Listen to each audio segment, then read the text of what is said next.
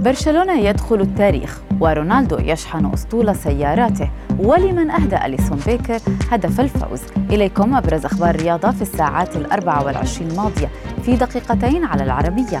بودكاست.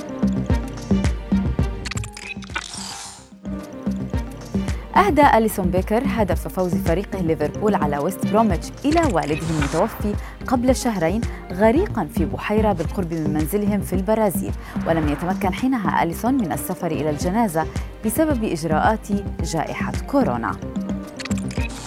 يواصل جيمي فاردي احتفالاته بالفوز بكأس الاتحاد الإنجليزي حتى أثناء نومه حيث ذهب فاردي إلى سريره مرتديا ميداليته بعد فوز فريقه ليستر سيتي باللقب لأول مرة في تاريخه وسبق للنجم الإنجليزي أن فعلها عندما فاز بلقب الدوري الإنجليزي. يبدو أن كريستيانو رونالدو بات قريبا جدا من مغادرة يوفنتوس حيث شهدت ليلة أمس شركة شحن تقوم بنقل أسطول من السيارات سبع عربات تقريبا بالقرب من منزل النجم البرتغالي في تورينو الإيطالية من المرجح أنها تتجه إلى لشبونة. أصبح نادي برشلونة أول ناد يحقق بطولة دوري أبطال أوروبا رجال ونساء في تاريخ المسابقة بعدما اقتنصت السيدات اللقب على حساب تشيلسي وكانت سيدات برشلونة قد حققن لقب الدوري الإسباني هذا العام أيضاً.